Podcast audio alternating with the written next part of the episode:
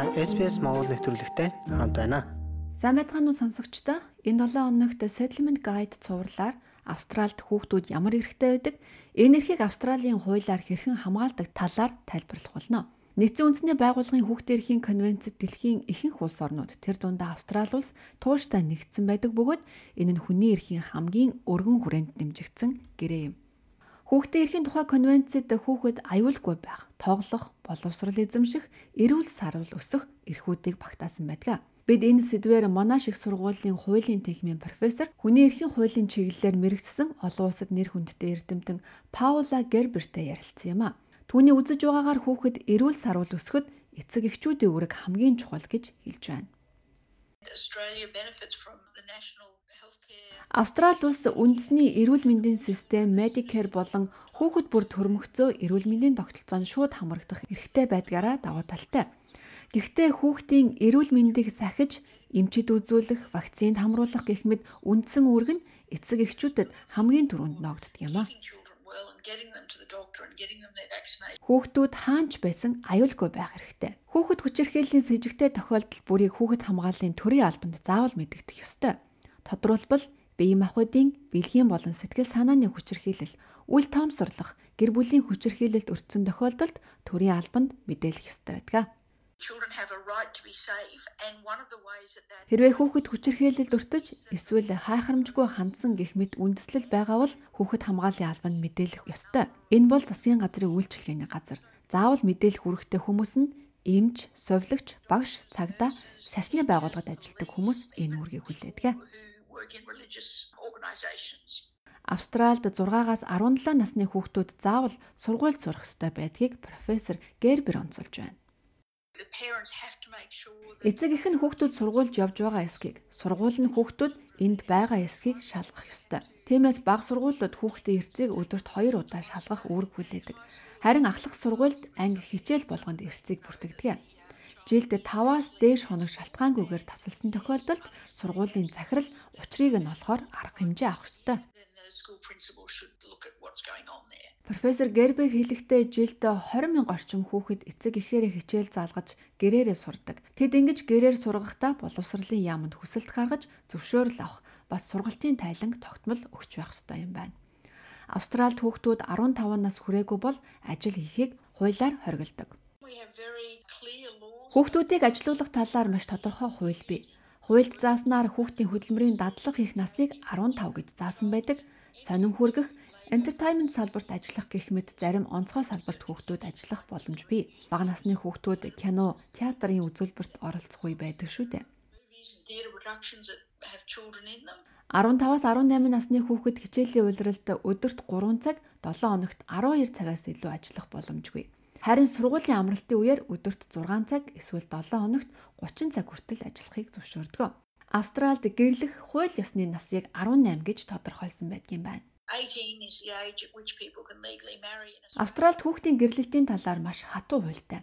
Тэдний хүчээр гэрлүүлсэн эсвэл гэрлэлтийн гэрээ байгуулсан бол 9 жил хүртэл эрүүгийн шийтгэл хүлээлгдэг. Энэ нь 9 жил хүртэл хорих ял оноо гэсэн үг юм. Харин гэрлэх зорилгоор хүүхдүүдийг гадаадад гаргасан бол 25 жил хүртэл хорих ялаар шийдэгдэг. Хэрвээ 18 нас хүрээгүй хоёр хүн гэрлэхийг хүсвэл эцэг эхээсээ зөвшөөрөл авах ёстой.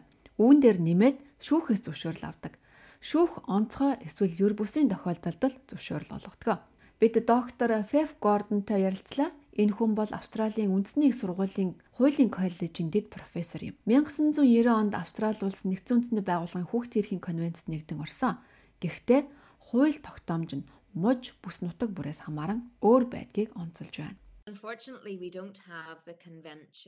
Манай бас холбооны системтэй учраас зарим хууль тогтоомжид тусгагдаагүй зүйл байдаг муж нутаг дэвсгэрт хүүхэд хамгаалал залуучуудын шударга ёсны талаар өөр өөр хууль тогтоомжуудтай байдаг. Тэгэхээр хууль тогтоомж тогтолцооны хувьд асуудалтай. Жишээлбэл Викториад нэг өөр шинэ өмнөд Уэльс мужид хүүхдэд бас нэг өөр зүйл хамааралтай байдаг. Австралид хүүхдийн эрх хамгаалах эрхийг илүү тодорхой заасан хууль хэрэгтэй байна гэж профессор Гербер хэлж байна. Бид олон улсын хүний эрхийн гэрээнд нэгдэж Австрали үүнийг хэрэгжүүлэхийн тулд хууль гаргадаг. Арьсангоор ялгуурлан гадуурхах явдлыг арилгах тухай конвенцэд нэгдэж Австрали улс арьсангоор ялгуурлан гадуурхах тухай хуулийг баталсан. Эмэгтэйчүүдийн эсрэг ялгуурлан гадуурхалтыг устгах тухай конвенцэд нэгдэж Австрали улс хүйсээр ялгуурлан гадуурхах тухай хуулийг баталсан. Хүүхдийн эрхийн конвенцэд нэгдсэн. Харин Австралид хүүхдийн эрхийн тухай акт байхгүй. Австралид 10 настай хүүхдийг баривчилж, буруутгаж, шүүхэд шилжүүлж, шоронд тойрох боломжтой. Энэ тухай профессор Гордон хэлэхдээ гемтэргийн насны доод хэмжээ Австралид бусад орнуудтай харьцуулахад харьцангуй бага байна гэсэн юм а. Хамгийн сүүлийн үеийн судалгаанаас харахад хүүхэд залуучуудын тарих 25 нас хүртлээр хөгжиж байна. Гэтэл хүүхдүүдийг 10 настайд нь эрүүгийн хариуцлага хүлээлгэх нь зохисгүй. Мөн нэгдсэн үндэсний байгууллага Австрали улсад насыг 14-өөс доошгүй байлгахыг уриалсан. Энэ алхмыг хийхэд идэвхтнүүд хуульчид иргэний нийгмийн зүгээс маш их дэмжлэг үзүүлж байна. Бас нэг том асуудал бол Aboriginal залуучууд насан туршаагүй хүмүүсийг хорих явдал улам бүр нэмэгдсээр байна. Шоронд хоригдож байгаа уугуул иргэдийн тоо маш их болж байна. 10-аас 17 насны Aboriginal залуучууд хүн амын 6%-ийг эзэлдэгч залуучуудын хорих төвүүдүүд байгаа хүний 56%-ийг тэд эзлэж байна. Та хуулийн ямар нэгэн асуудалд орсон бол хаанаас зөвлөгөө авахаа сайн мэддэг байх ёстой гэж тэрээр зөвлөж байна. Таны орлогоос хамааран хууль эрх зүйн үн төлбөргүй зөвлөгөө өгдөг олон нийтийн хуулийн төвүүд байдаг. Хүмүүс хууль эрх зүйн шүүхтэй холбоотой асуудалд хүсэлт гарган санхүүгийн дэмжлэг авах боломж байдаг. Австралид хуулийн үнэгүй зөвлөгөө авах тухай оршин суух хөтөж булангийн өөр нэг дугаар тодорхой оруулсан байгаа. Та бүхэн нэвтрүүлгийн тайлбар хэсгээс хүлээ авч сонсоорой.